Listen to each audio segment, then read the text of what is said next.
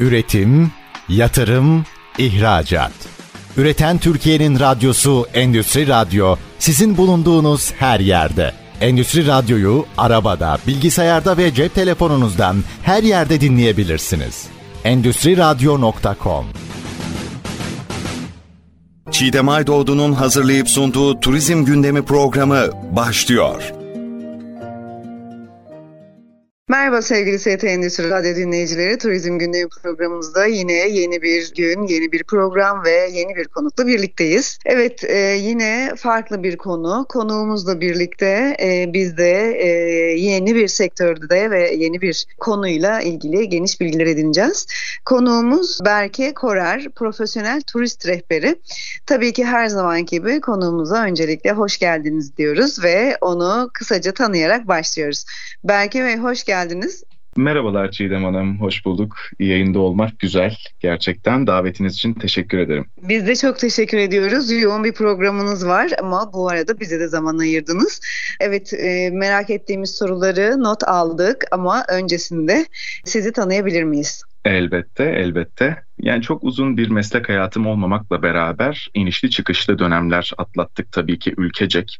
Çünkü ben pandemi öncesi mezunlarından. E, 2019 yılı Balıkesir Üniversitesi'nden mezun olduk arkadaşlarımla, o dönem arkadaşlarımla beraber. Ve ardından tabii ki tamamlamamız gereken bir de eğitim gezimiz vardı. O eğitim gezisi pandeminin hemen öncesine denk geldiği için e, bizler için de tuhaf e, bir yolculuk oldu. Çünkü e, haberler almaya başlamıştık. Yurt dışında böyle bir salgın durumu var Çin kaynaklı ve gittiğimiz her yerde Çinli gruplar görüyorduk. O nedenle ilk e, bu gruplara hastalığa ilk rastlayanlardan olduk ve tabii ki sonrasında kapanmalarla birlikte turizmin sekteye uğradığı o uzun dönemde e, benim de mesleki o açlığımı bastıramadığım uzun bir süreç çıktı karşıma. Kesinlikle e, birçok kişi için çok zordu ama turist rehberliği o dönemde de e, çok sohbetlerimiz oldu. Gerçekten her açıdan mağdur olan bir sektör grubuydu. Birazdan yine sorun mesleğin sorunları veya çözümleri e, gibi konulara da değineceğiz.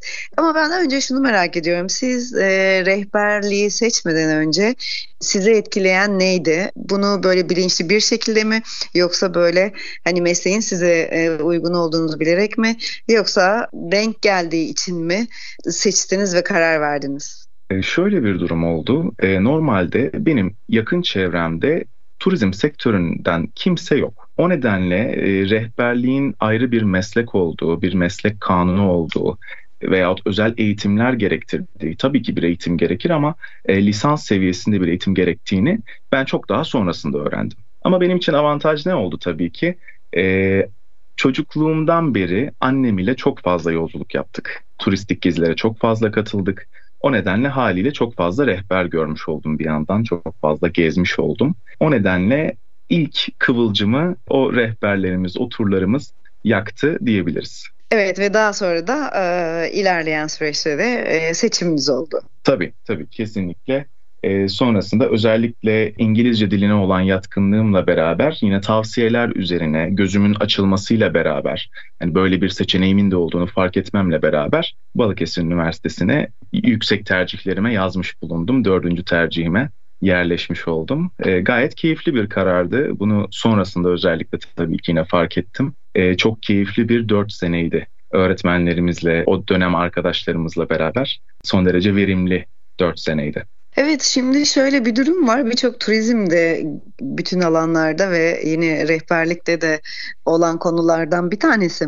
Yetişmiş ve özellikle yabancı lisanda ve hizmet sektöründe veya yöneticilikte hemen sektör değiştiriyorlar. İyi bir teklif geldiğinde ve o yüzden de bayağı bir e, boşluk ve de ihtiyaç oluyor. Sizde de böyle bir iyi bir fırsat, başka bir teklif gelirse sektör değiştiririm gibi bir düşünce var mı? Evet gerçekten çok güzel bir soru.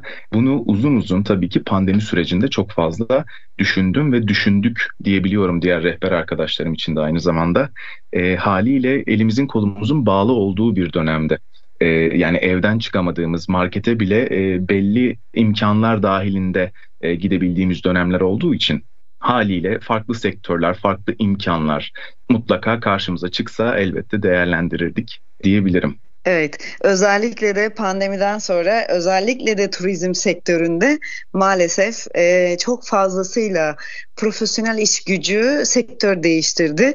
O nedenle de bayağı bir sohbetlerimizde elde ettiğimiz bilgilere göre ihtiyaç var yetişmiş ve doğru profesyonellere. O nedenle de sormak istedim. Bir mesleğinizin e, hareketli bize göre böyle çok keyifli görünüyor. Sürekli seyahat halindesiniz, masa başında değilsiniz. Birçok e, yeri görüyorsunuz, birçok insanla tanışıyorsunuz. Bize böyle keyifli görünüyor ama sizin en keyifli yönleri ve en zor yönleri nelerdir diye sorsam. E, şimdi en keyifli yönleri biraz bariz olanı tabii ki e, misafirlerimin dışarıdan gördüğü kısımlar. Onlar da şu hani her zaman farklı yerlere e, seyahat, yolculuk yapıyor olmamız, monoton olmayan bir işimizin olması, e, farklı insanlar, farklı kültürler tanıyor olmamız tabii ki en büyük artılar. Ama onun dışında bir de işin görünmeyen kısmını, daha doğrusu göz ardı edilen kısmını şöyle düşünebiliriz. E, en basitinden bir paket turumdan örnek vermek istiyorum sizlere. Tabii ki şehir dışı yolculuklarda erken bir kalkış saati verilir. Bu bahsettiğim saatler normalde misafirlerimiz için 6 civarı olurken tabii ki biz arka plan operasyon ekibi için çok daha erken başlar. 4.30-4 civarında başladığını bilirim. Bu turun tabii ki ilerleyen kısmı, gün içi kısmı oldukça keyifliyken akşama doğru çok daha zorlaşmaya başlıyor. E, vücut kendini bırakmaya başlıyor artık ve turumun 12'de gece 12'de bittiğini bilirim. Yani 20 e, saatlik bir çalışmadan bahsediyoruz. Bu da işin gerçekten en zor kısmı diyebilirim. Onun dışında tabii ki bir de ev hayatı, evlilik hayatından bahsetmem gerekir. Daha bundan lisans döneminde e, düşüncelerimiz başlamıştı şekillenmeye. Çünkü bahsettiğimiz paket turlarımız ki benim en uzun turlarımdan biri Karadeniz turlarıdır. 4 gece konaklamalı, 5 gece konaklamalı turlardan bahsediyoruz. E haliyle eve uğrayamıyorsunuz. Yani bu kimi izleyicimiz için artıyken kimisi için eksi olacaktır. Benim için eksi olduğunu söyleyebilirim. Evcimen bir yapıya sahibim aynı zamanda. ironik bir şekilde. Evet meslekle aynen sürekli seyahat halinde olunca o biraz daha böyle özlem artar eve e, ve düzenli bir e, zaman geçirmeye tabii ki. Peki bu sezon nasıl geçti? Bu sezon beklentimin e, çok daha üstünde e, çok daha verimli geçtiğini söyleyebilirim. Yani e, bu savaş durumları özellikle Ukrayna-Rusya harekatı çok fazla etkilemedi piyasayı. Normalde e, Rus misafirlerimizin sayısında e, mükemmel bir düşüş beklerken aksine kesinlikle bir düşüş olmadı. Tam gaz devam ediyor. E, aynı zamanda tabii ki sadece yaz sezonu için de demiyorum. Şu an kış sezonunda olmamıza rağmen tatlı bir yoğunluk var sektörde. E, ama tabii ki İsrail ve Filistin konusunda e, İsrail pazarı Türkiye'den elini ayağını çekti diyebilirim. Onlar biraz daha sert karşıladı durumu. Haliyle savaş durumuna geçtiler. O nedenle farklı misafir profillerinde değişiklikler oldu elbette. Ama onun dışında yine uzmanlar e, rekor bir seviye bekliyor önümüzdeki yaz sezonu için. Evet, seneye hazırlanırken özellikle pandemiden sonra geçen yıl ve bu yıl bu beklenilenin hedeflerin karşılanması da e, güzel tabii ki ülkemiz adına da. Kesinlikle, kesinlikle. Özellikle pandemi esnasında tabii ki e, halkımızın veyahut aynı şekilde yabancı misafirlerimizin de evinde tıkılı kalması, e, herhangi bir yere yolculuk yapamamalı, yapamamaları, e, aynı zamanda tabii ki yani turistik olmasa bile şehir değiştirememeleri biraz böyle yasakların, kural bozmanın cazip olmasıyla beraber pandemi yasaklarının bitmesiyle tabii ki büyük bir akın başladı. Hiçbir yere gidemeyen halk tabii ki turizme yöneldi. Bir nevi acısını çıkarttı diyebilirim. Evet. Peki İstanbul'a gelen turistin özellikle İstanbul diyorum ama siz Türkiye'nin birçok yerine gidiyorsunuz. Ee, şu anda e, İstanbul'da olduğumuz için e, bunu sormak istedim. Daha sonra Türkiye genelinde soracağım. İstanbul'da en çok tercih edilen bölgeler e, neresi? E, bunu da e, merak ediyorum. Artı bir de hikayeleri, tarihi verileri anlatmak e, turistleri nasıl etkiliyor? E şimdi özellikle tabii ki İstanbul dendiğinde herkesin aklına gelen tarihi yarımada. Tarihi Yarımada dediğimiz kısım zaten e, Sultanahmet Meydanı, Hipodrom dediğimiz kısım, Sultanahmet Camii, Ayasofya Camii, Topkapı Sarayı ve Yerebatan Sarnıcı. Özellikle bu bahsettiğimiz yapılar en fazla odak noktası olan e, yeri anlatmamız için yeterli olacaktır. Özellikle buraya bir ilgi var. Çünkü Doğu Roma'nın Bizans'ın son kalesi olması, e, Osmanlı'nın son başkenti olması haliyle anıtsal yapıları doğuruyor. Çok fazla kültürden e, eser görebiliyorsunuz. Çok fazla e, mimari farklılık görebiliyorsunuz özellikle. Yani Topkapı Sarayı ve Dolmabahçe Sarayı'nı kıyasladığınızda bile bu farkı bariz bir şekilde görebiliyoruz. O nedenle tabii ki en fazla buralar tercih ediliyor. Merkez olarak kabul edilen kısımlar burası. Ama onun dışında tabii ki çeşitli saraylarımız var. Yine bahsettiğimiz gibi işte Dolmabahçe Sarayı olabilir. Onun dışında hepsini rahatlıkla görebileceğimiz, sahil kesiminden görebileceğimiz boğaz turlarımız var tabii ki. Eminönü, Sirkeci civarlarında İstanbul'a gelenler, İstanbul'da yaşayanlar bilir. E, boğaz turlarımız elbette meşhur. E, misafirlerimizin de tercih sebebi oluyor elbette. Ama e, tabii ki e, misafirlerimizin bu yapıları, bu devasa yapıları görmeleri ki özellikle Ayasofya'dan bahsetmek istiyorum, e, ağızlarının açık kalmasına sebebiyet veriyor. Ki bu bahsettiğim insanlar tabii ki e, yurt dışını da gezmiş insanlar olabiliyorlar, farklı katedraller görmüş olabiliyorlar Ayasofya'dan farklı olarak. Ama yine de cazip gelen, çok e, kendine çeken bir yapısı var bu bölgenin. Evet, kendine has bir atmosferi, hikayesi ve tabii ki e, tüm dünyanın da bildiği bir e, yer olması ayrı bir merak uyandırıyor. Yerli turistin tercihi değişiyor mu? Yerli turist e, özellikle tabii ki Ayasofya Müzesi'nin cami olması sonrasında biraz daha tercihlerin değişmesine sebebiyet verdi. E, çünkü bu bahsettiğim yerler tabii ki işte Sultanahmet Camii dışında ve tabii ki sonradan Ayasofya Camii'nin de ücretsiz olmasıyla beraber normalde ücretliydi.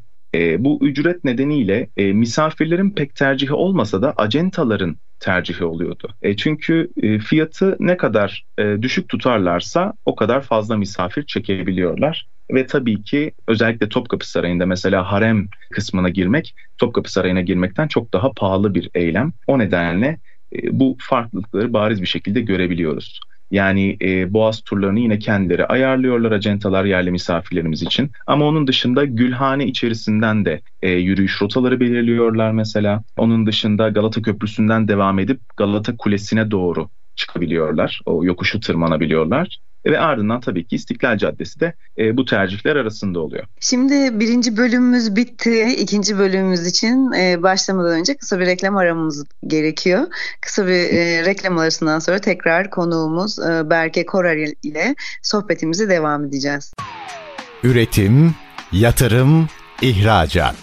Üreten Türkiye'nin radyosu Endüstri Radyo sizin bulunduğunuz her yerde. Endüstri Radyo'yu arabada, bilgisayarda ve cep telefonunuzdan her yerde dinleyebilirsiniz.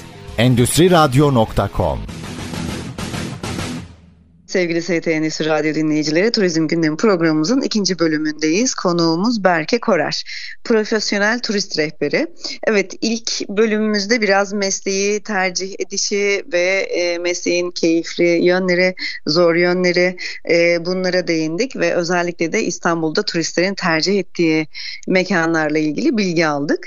Benim yine İstanbul'la ilgili aklımda kalmış bir soru vardı ve hep bir gizem olarak anlatılan İstanbul İstanbul'un e, yer üstü olduğu kadar yer altındaki gizemleri, gizli geçitleriyle dolu olduğu falan söylenir. Bu ne kadar doğru özellikle tarihi yarımadayla ilgili? E, bunu özellikle şöyle yorumlayabiliriz. E, ilk bölümde de bahsettiğimiz gibi Ayasofya gerçekten tam bir merkez e, Bizans'ın bir kalesi olarak geçiyor. Aynı zamanda tabii ki kutsallık açısından da e, çok büyük bir önemi olmasına rağmen aynı zamanda imparatorun ve ailesinin de ikamet ettiği veyahut sıklıkla uğradıkları bir nokta. O nedenle olası bir durumda mesela buna örnek olarak Nika ayaklanmasını verebiliriz. Kendilerini Ayasofya'ya kapatma durumları oluyor. Ama tabii ki kapatmaktan kastım elbette girişler çıkışlar kapatıldığı takdirde dışarıdan içeriye girilmediği gibi içeriden dışarıya da çıkmak pek mümkün değil normalde. Ama şöyle bir durum var. Ayasofya'nın altında çok fazla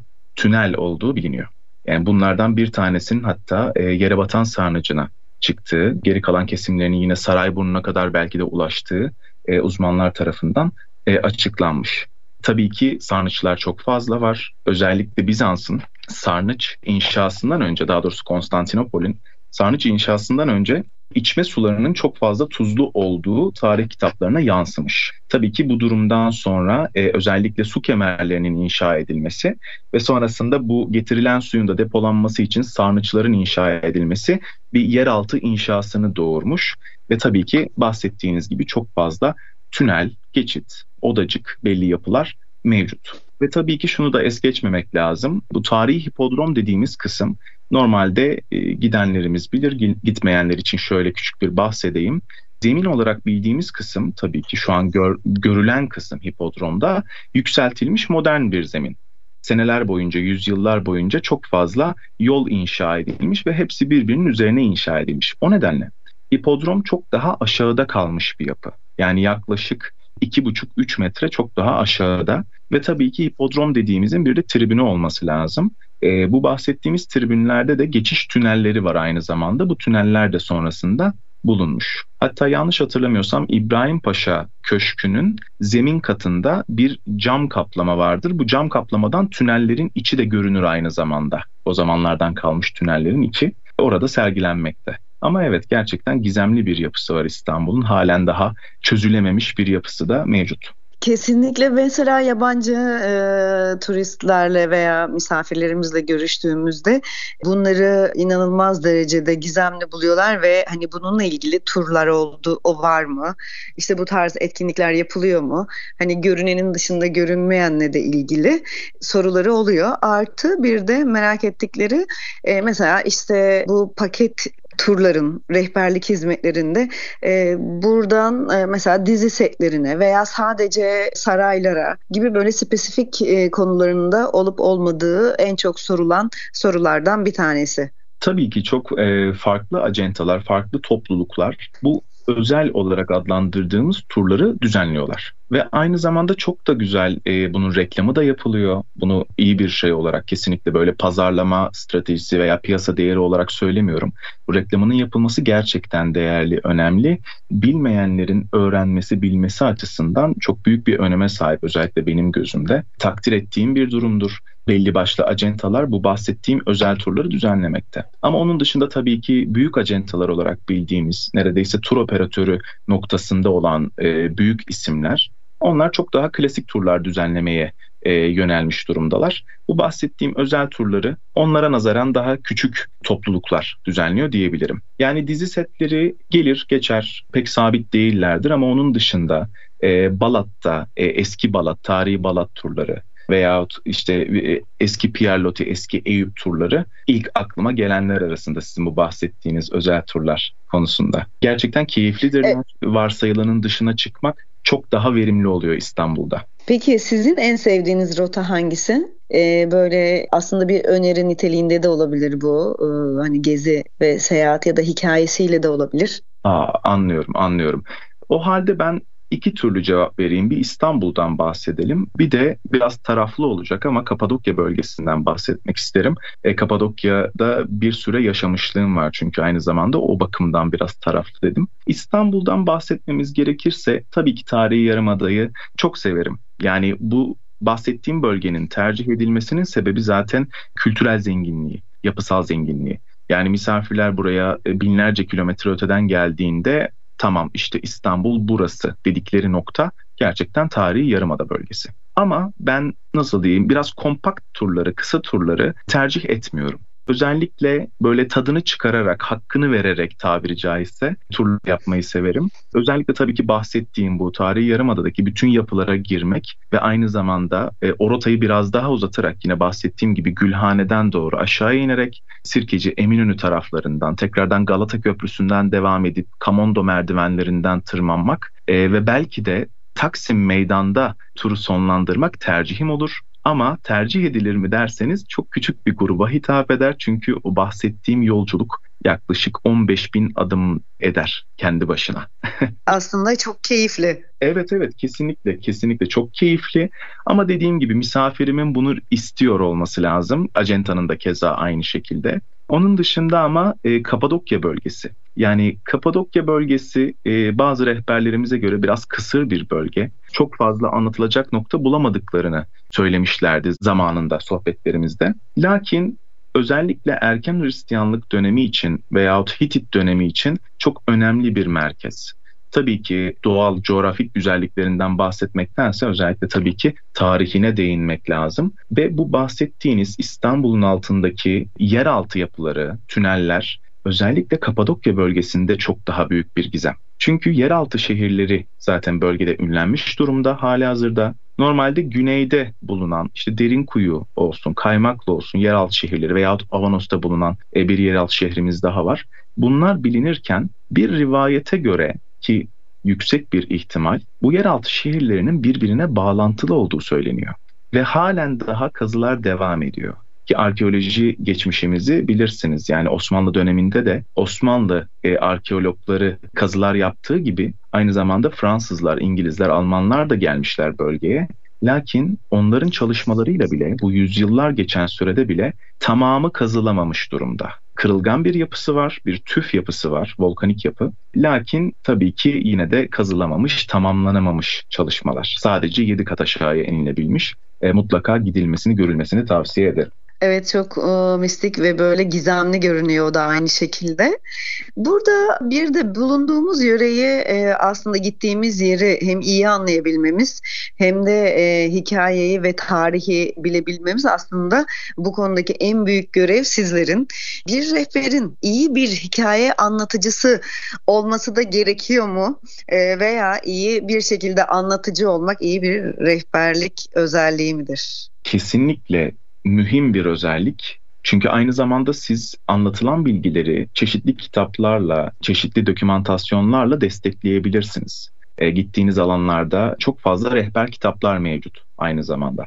E, ama tabii ki bir rehberin hikayelendirmesi, bu hikayelerin işte rivayet olması da pek önemli değil. Yeter ki rivayet olduğundan bahsedebilsin veyahut bu bir şehir efsanesi diyebilsin. Öğrendiğim çok keyifli hikayeler var gerçekten ve bu hikayelerle anlatımın desteklenmesi büyük bir önem sahibi. Özellikle tabii ki mesleğin sorunları ve geleceğinden bahsederken buna değineceğiz. Ama audio guide e, yani e, sesli rehber olarak adlandırılan elektronik e, bir de kayıt cihazları var. E, bunu müzelerde görmüşüzdür mutlaka veyahut açık öğren yerlerinde de bulunabiliyor. Onların yaptığı rehberlik, onların belli eserleri anlatması ile bir rehber ile gezmek kesinlikle aynı değil. Yani en basitinden herkes de bunu söyler zaten. E, audio guide'a soru soramıyorsunuz. Öyle bir durum var. Merakınızı e, bir yere kadar giderebiliyorsunuz ama tamamen kısıtlı, tamamen limitli diyelim. Evet, tam da e, burada bir başka soruya geçeceğim. Yetersiz ve ehliyetsiz rehberlerin profesyonel bir mesleğe ne gibi zararları oluyor? E, bu yanlış bilgiler e, hafızalarda kalıyor tabii. Bunu en çok da belirli bölgelerde yaşıyoruz. Mesela işte Çanakkale Savaş Bölgesi gibi işte az önce de dediniz hem hikayelerle tarih ve gerçekler aslında uymayabiliyor da. Bu durumdaki düşünceleriniz nelerdir bu konuyla ilgili? E, bu gerçekten e, rehberlik alanındaki en büyük problemlerden biri. Çok fazla denetim gerçekleştiriliyor aynı zamanda. Bakanlık görevlileri, turist rehberliğinin, rehberler birliğinin denetmenleri sahada. Lakin bu durum kesinlikle yeterli değil. Maalesef e, yasa dışı rehberlik, işte çalışma kartı olmadan veya sözleşme yapmadan, e, acentalarla işbirliği yapmadan rehberlik yapmalar e, maalesef günümüzde çok daha artmış durumda. Özellikle tabii ki e, yabancı halktan göç almamız da maalesef ekmeğe yağ sürmüş durumda. Çünkü e, rehberlik şartlarından e, biri bir yabancı dil sahibi olmak. E siz hali hazırda bir yabancı dil biliyorsanız rehberliğinizi rahatlıkla yapabiliyorsunuz. Özellikle gelen misafirlere yönelik bir dil biliyorsanız çok daha rahatlıkla yapabiliyorsunuz. Yani bu işlemin yasa dışı yapılması yetmezmiş gibi layığıyla yapılmaması bir de tabii ki yanlış bilgi verilmesi korkunç bir durum. Bunu profesyonelliğe gerçekten sığdıramıyorum. Yani bırakın başkalarının ya- yanlış bilgi vermesi ben bile yanlış bilgi veya eksik bilgi verdiğimde kendimi kötü hissedip hemen eksiğimi giderip gerekli araçlarla sorarak, soruşturarak öğrenip misafirlerime anlatırım. Lakin yalan yanlış bilgiyi hiçbir sorun olmadan misafirlerine anlatanlar gerçekten bu rehberliği icra etmemeli. Zaten yasa dışı olduğu için icra etmemeli.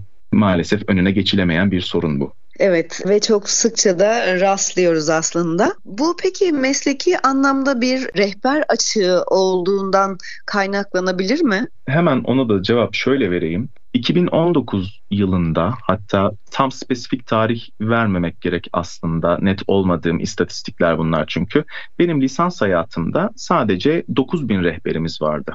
E, lakin özellikle 2023 istatistiklerinde 13 bin rehberimiz olduğunu rahatlıkla görebiliyoruz. Eş zamanlı bir veri tabanı mevcut. Arzu edenler tabii ki tam verilere oradan da erişebilir. Ama bir rehber açığı olmadığının e, garantisini verebilirim sizlere gerçekten. Ha şöyle bir açık olabilir. Yani bu çalışma kartı olmadan eylemlik yapma, yasa dışı rehberlik yapma durumu aynı zamanda belli seyahat acentalarının da işine gelen bir durum olabiliyor. Çünkü tabii ki rehberlerin belli bir taban ücreti var bakanlık tarafından belirlenen ama yasa dışı rehberler e, bu taban ücrete bağlı kalmadan tabanın çok daha altına e, tura çıktıkları için e, belli acentalar tarafından da tercih edilebiliyorlar. Bu da korkunç bir durum gerçekten. Yani önüne geçilemiyor, geçilmesine izin de verilmiyor belli bölgelerde, belli acentalarca diyebilirim. Bunlar da mesleki anlamda e, bazı hakların ihlali anlamına gelir.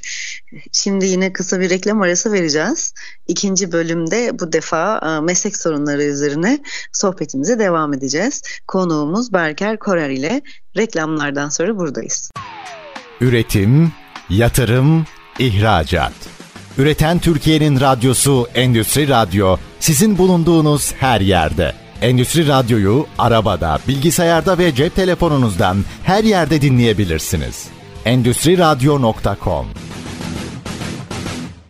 Evet sevgili ST Endüstri Radyo dinleyicileri Turizm Gündemi programımızın 3. bölümündeyiz. Konuğumuz Berke Korer, profesyonel turist rehberi.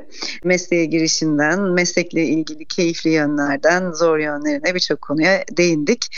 Ve en çok nerelerin tercih edildiği İstanbul'da, Türkiye'de bunlarla ilgili de ilk iki bölümde bilgiler aldık. Üçüncü bölümde aslında değinmek istediğim özellikle de sizin de anlatmak istediğiniz konular varsa tabii ki. Burada mesleki sorunlar sorunlar? Rehberlerin mesleki anlamda en çok e, sorunları nelerdir? Ve bu sorunların çözüm önerileri e, nelerdir?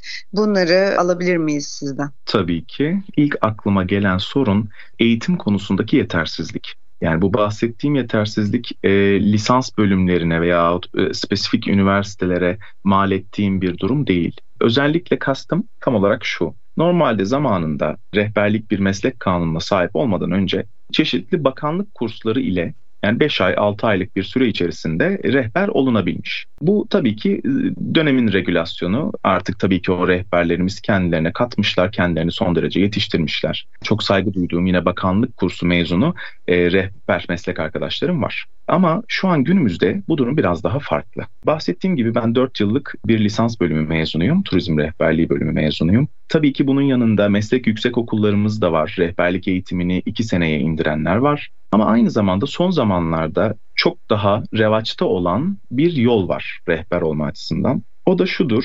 Tezsiz yüksek lisans mezunu olup bir senede rehber olanlarımız var. Maalesef kesinlikle yetersiz bulduğum bir yöntem. E, bunu destekleyecek e, bölüm başkanı meslektaşlarım da var aynı zamanda üniversitelerde.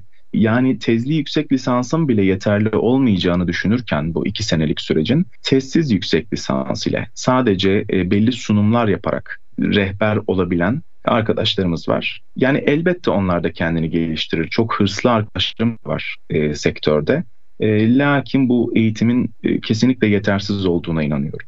Ve tabii ki sadece turizm rehberliği olarak değil, bir de ona yan ek olarak e, rekreasyon ve turizm rehberliği, işte seyahat acentacılığı ve turizm rehberliği diye çok farklı bölümler de var. Yani bütün kombinasyonları düşünebilirsiniz çünkü hepsi mevcut. Onlarda tabii ki e, rehberlik bölümü konuları dağılmış oluyor. Onun yanında e, rekreasyon dersleri görüyorlar, işte e, acentacılık görüyorlar, işletme dersleri görüyorlar. Öyle olduğu için eksik bir eğitim söz konusu. Ama o eğitimi tamamladıktan sonra, e, bölge gezilerini tamamladıktan ve bir yabancı dil eklettikten sonra onlar da çalışma kartlarını alabilip yasal bir şekilde e, rehberliklerine başlayabiliyorlar. Yani bu durum benim gördüğüm en büyük sorunlardan biridir. E, bunu sorun olarak algılamayanlar da tabii ki var, elbette var. Ama bunun bir şekilde önüne geçilmesini dilerdim gerçekten. Bunun dışında bu gerçekten önemli bir konu.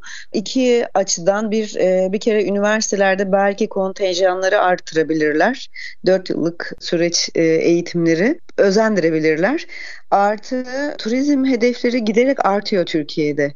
E, ve bu artan hedeflere göre de tabii ki profesyonellerin de turizme e, direkt ve dolaylı dahil olan artması gerekiyor. Burada da e, evet böyle verimsiz çözümler mesleki anlamda kaliteyi düşürdüğü de ortada. Peki sosyal haklar konusunda mesela pandemi örneğini verecek olursak ilk e, hemen işsiz kalınan müzisyenler ondan sonra çok değerli birçok meslek grubu büyük sorun yaşadı. Bu konuda e, yeniden veya daha sonrası için e, bir sorun yaşanmaması adına girişimler var mı? Meslek örgütleri, dernekler, sivil toplum kuruluşları olarak bir örgütlü çalışma yapılabiliyor mu bu konuda? Çok fazla e, gerçekten mesleki örgütümüz var, derneklerimiz var, teşkilatlarımız var elbette. Belli bir noktaya kadar ellerinden geleni tabii ki yapmaya çalışıyorlar. Ama bu bahsettiğimiz pandemi durumu gerçekten istisnai bir durumdu. Yani küresel bir felaketten bahsediyoruz. Ve o dönemde özellikle meslek arkadaşlarımın, meslektaşlarımın bir çözüm üretmeye çalıştığını ben de bizzat e, yakından gördüm. Ama bu çözüm üretmek nasıl oldu? Çeşitli podcastlar yapmaya başladılar. Programlara katıldılar. Kendileri program çekmeye başladı veya çeşitli videolar. Yine konferans görüşmeler düzenlendi belli uzmanlarla birlikte. Ama onun dışında tabii ki bahsettiğimiz örgütlerimiz, derneklerimiz, teşkilatlarımız bu konuya el atamadı. Atsaydı nasıl olurdu? İnanın onu da kestirebilmek pek mümkün değil. Yine varsayımsal yaklaşabiliriz. Ama bu tarz bir duruma önlem almaktansa e, gerçekten yani böyle bir durumla karşılaşmamak için dua etmek en mantıklı seçenek olabilir. Çünkü gerçekten istisnaiydi. Bütün ülkeler, bütün e, dünyada e, geri kalan ülkeler de etkilendi merkezi ülkeler dışında. Tekrardan karşılaşmamak dileğiyle böyle bir durumla. Ama onun dışında gerçekten hiçbir yere kımıldayamadığımız bir buçuk iki seneden bahsediyoruz. Belki iki sene biraz abartı olabilir ama maalesef bir destek alamadık tabii ki. O zamanında en büyük sorundan bir de inşallah e, bu süreç düzelir. Yani belirli e, sigortalar, belirli kapsamlar e, ve devlet uygulamaları nedeniyle profesyonellere en azından. Çünkü o dönemde şöyle bir şey de oldu. Bütün rehberler birbirleriyle iletişimde kalarak birbirlerine destek olarak bir süreç yaşadılar. Gerçekten dediğiniz doğru bir daha böyle bir sorunla dünya karşılaşmasın. Ama karşılaşmasak da önlem alınması ve e, sistemin şimdiden kurulması daha güven verici olur. Kesinlikle, kesinlikle gerçekten. Özellikle tabii ki Sağlık Bakanlığı çeşitli hijyen etmenlerinde bir e, regülasyon sahibi olmak e, bu tarz bir durumla karşılaşmamızın önüne geçecektir. Ama bu tabii ki sadece bizim ülkemizin yapabileceği bir durum değil. E, küresel almamız gereken bir önlem söz konusu bu tarz bir durumla karşılaşmamamız için. Ama tabii ki bir de bahsetmeye atladığım bir konu var. Özellikle e, rehber odaları konusunda. İstanbul Rehberler Odası, namı değer İRO, e, bizlere destek olaraktan bir e, jestte bulundu. Kendileri normalde odalara bağlı olmanın tabii ki bir ücreti var, bir aidatı var yıllık ve aynı zamanda çalışma kartlarımızda yıllık çıkartılan kartlar. Bunların da tabii ki bir ücreti var aidatın dışında. Özellikle 2020 aidatları ve çalışma kartları konusunda herhangi bir ücret talep etmediler. E, bu konuda küçük de olsa bir destekleri oldu. Teşekkürlerimi iletirim kendilerine. Sektörde oldukça yeni bir profesyonelsiniz, genç bir e, rehber olarak ileriye yönelik hedefleriniz rehberlikte hem Türkiye'de İstanbul'da belki dünyada bu e, konuda neler düşünüyorsunuz? Normalde lisans dönemlerimde biraz daha idealist bir yaklaşıma sahiptim. Ama tabii ki mesleğin içine girdikten sonra işte zorluklarını gördükten sonra çok daha farklı planlar e, yapar hale geldim. Tabii ki bunların başında sürdürülebilirlik geliyor. Çünkü ben aynı zamanda münferit çalışan bir rehberim. Yani bağımsız herhangi bir acentaya bağlı değilim. Çeşitli bağlantılarımla e, müsaitliğimin sorulması, öğrenilmesi, işte programın misafirlerin belli olmasıyla beraber tura çıkan bir rehberim. E, bunun özellikle sürdürülebilir olmasıyla ve tabii ki e, bu rehberlik sürecimi paket turdan ziyade bölgesel turlara evrilmesiyle bir plan sahibiyim diyebilirim. Ama aynı zamanda tabii ki normalde bilirsiniz bir operasyon biriminde, turizm operasyonunda işte rehberimiz vardır, kaptanımız, e, yardımcı rehberimiz olabilir durumlara göre ve tabii ki işin arka planında bulunan bir de operasyon ekibi var ofiste işlemi takip eden. Tabii ki hani acentalarımız yine benim bahsettiğim planda e, var olabilir ama onun dışında geri kalan birimleri aza indirgemek ve kendi butik turlarımı yapmak benim planlarım arasında diyebilirim. Turistik bir bölgeye, bir beldeye yerleşip İstanbul dışında orada kendi e, turlarımı sürdürmek benim planlarım arasında diyebilirim. Evet güzel kesinlikle. Burada tabii ki İstanbul gibi bir e, şehirde e, profesyonel bir e, şekilde bu mesleği icra ettikten sonra evet özellikle de yine daha farklı bir alanda bunu yapmanız o bölge için de bir avantaj olacaktır. Çünkü İstanbul biraz farklı bir bölge diye düşünüyorum ben. Acaba yanlış mı düşünüyorum? Yok gayet doğru düşünüyorsunuz. Tabiri caizse İstanbul gerçekten kurtlar sofrasıdır. Çok fazla misafirimiz var, çok fazla rehber, çok fazla aktif bir tur grubu görebilirsiniz İstanbul'da. İstanbul, ben bunu e, çok kez söylerim turlarımda, özellik kazanabilecek bir şehrimiz aynı zamanda. Bunu Singapur'da görüyoruz özellikle. E, bir turizm cennetidir. E, kendi turistik olanaklarını kendileri inşa etmişler. Yani anıtsal bir yapılarından ziyade e, modern mimari ile çok fazla turistik yapıları var. Çok fazla turist çekiyorlar ülkelerine ve aynı zamanda şehir ülkesi. O nedenle İstanbul gerçekten kendine yetebilen bir şehir haline geldi. Çok fazla e, sektör İstanbul'u merkez belledi. O nedenle İstanbul'da rehberlik yapmak da farklı, bir tur grubunda olmak da farklı. Her sektör için farklı diyebilirim İstanbul için. Evet kendi başına bambaşka bir yapı ve e, doku e, ve farklı gerçekleri olan bir şehir. O nedenle kesinlikle o konuda haklısınız. Evet 2024 yılını yaklaştığımız bu zamanlarda neler bekliyorsunuz? Turizm e, Türkiye adına nasıl olacak? E, bu konudaki e, öngörüleriniz nelerdir? Ee, her şeyden e, önce tabii ki uzmanlarımızın görüşüne ben de katılıyorum. Özellikle turist sayısında, misafir sayısında bir patlama bekliyorum ben de aynı şekilde. Yani ekonomiye bağlı olmayarak gerçekten turistik hareketlerde artış gözlemliyoruz. Tüketim toplumu olduğumuzun bir kanıtı da orada çıkıyor karşımıza. E, ama tabii ki denetimsiz rehberliğin önüne geçilebilmesini diliyorum elbette. 2024'ten. E, ama tabii ki yani sadece turizm sektörü olarak değil bir Türk halkının bir parçası olarak, bir birey olaraktan da 2024'ten çok farklı beklentilerimiz elbette var. Ee, yine misafir profili değişecektir diye düşünüyorum. Umarım hepimiz için güzel bir sezon olur. 2023 noktalarken bu temennilerimi iletmiş olayım. Biz de aynı şekilde yani turizm e, Türkiye'de o kadar çok e, sektörü etkiliyor ki e, özellikle e, belirli bölgelerimizin tamamen e, tüm hedefi turizm. Turizm gelirleri de hiç azımsanmayacak kadar yüksek e, miktarlar. O nedenle de e, kesinlikle hemen hemen e, her sektörün can damarı diyebiliriz etkileyen bir faktör. Son olarak İstanbul'da ve Türkiye'de bir rehber gözüyle yıl başında ve yeni yılda önereceğiniz böyle bir e, kaç rota bilgisi alabilir miyim? Tabii ki ben yine İstanbul'u tavsiye ediyorum sizlere. Özellikle tabii ki Yarımada'dan bahsetmeyeceğim. Daha farklı butik turlar var.